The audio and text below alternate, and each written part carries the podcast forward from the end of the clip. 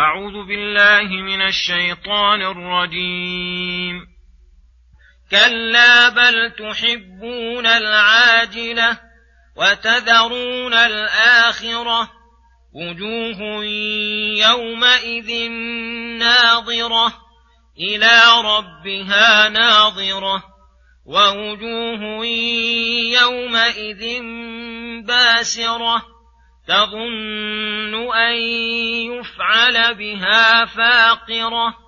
كلا إذا بلغت التراقي وقيل من راق وظن أنه الفراق والتفت الساق بالساق إلى ربك يومئذ المساق.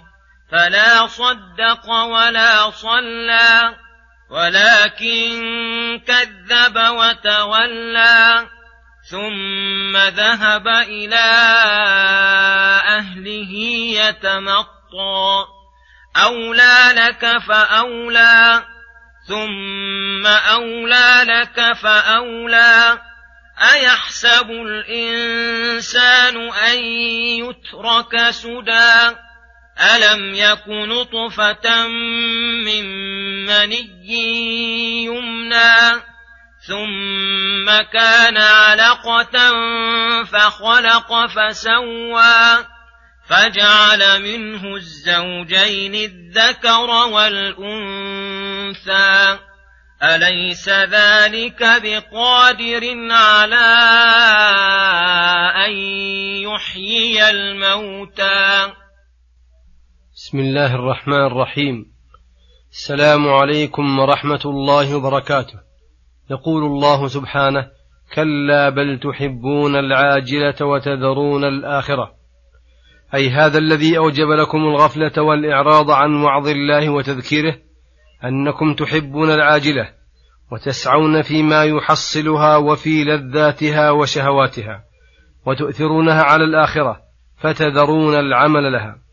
لأن الدنيا نعيمها ولذاتها عاجلة والإنسان مولع بحب العاجل والآخرة متأخر ما فيها من النعيم المقيم فلذلك غفلتم عنها وتركتموها كأنكم لم تخلقوا لها وكأنها وكأن هذه الدار هي دار القرار التي تبذل فيها نفائس الأعمار ويسعى لها آناء الليل والنهار وبهذا انقلبت عليكم الحقيقة وحصل من الخسار ما حصل. فلو أثرتم الآخرة على الدنيا ونظرتم العواقب نظر البصير العاقل لأنجحتم وربحتم ربحا لا خسر معه وفزتم فوزا لا شقاء يصحبه.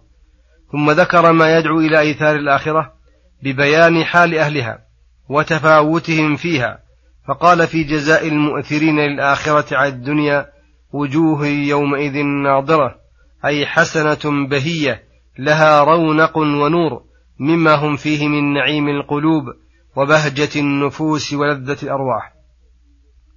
إلى ربها ناظرة أي ينظرون إلى ربهم على حسب مراتبهم.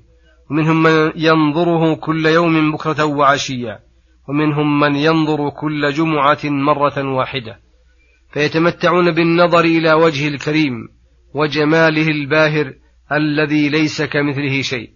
فإذا رأوه نسوا ما هم فيه من النعيم وحصل لهم من اللذة والسرور ما لا يمكن التعبير عنه ونظرت وجوههم فازدادوا جمالا إلى جمالهم.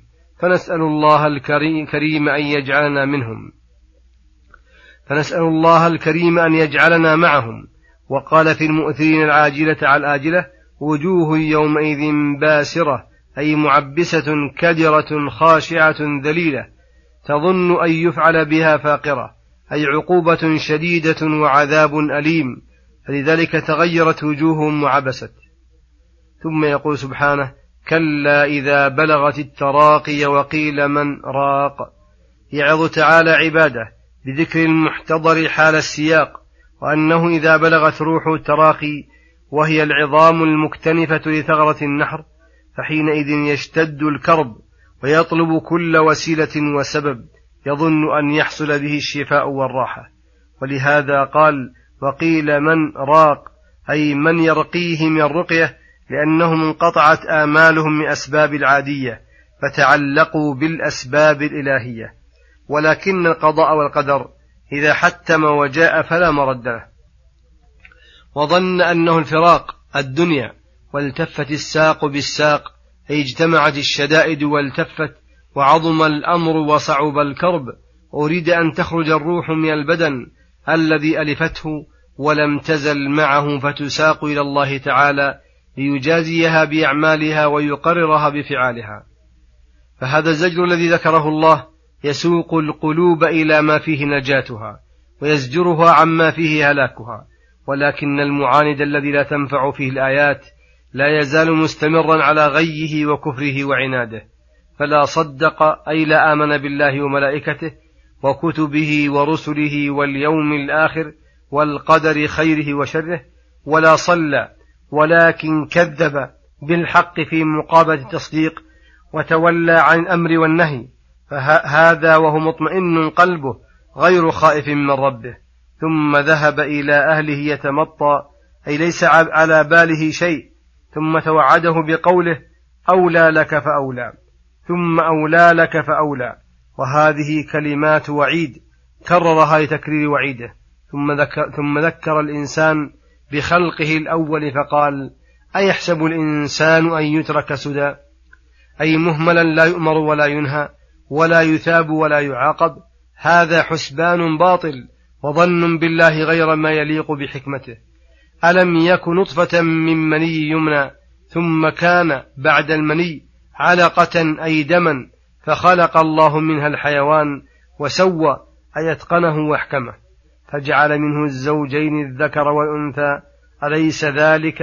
أي الذي خلق الإنسان وطوره إلى هذه أطوار مختلفة بقادر على أن يحيي الموتى بلى إنه على كل شيء قدير وصلى الله وسلم على نبينا محمد وعلى آله وصحبه أجمعين.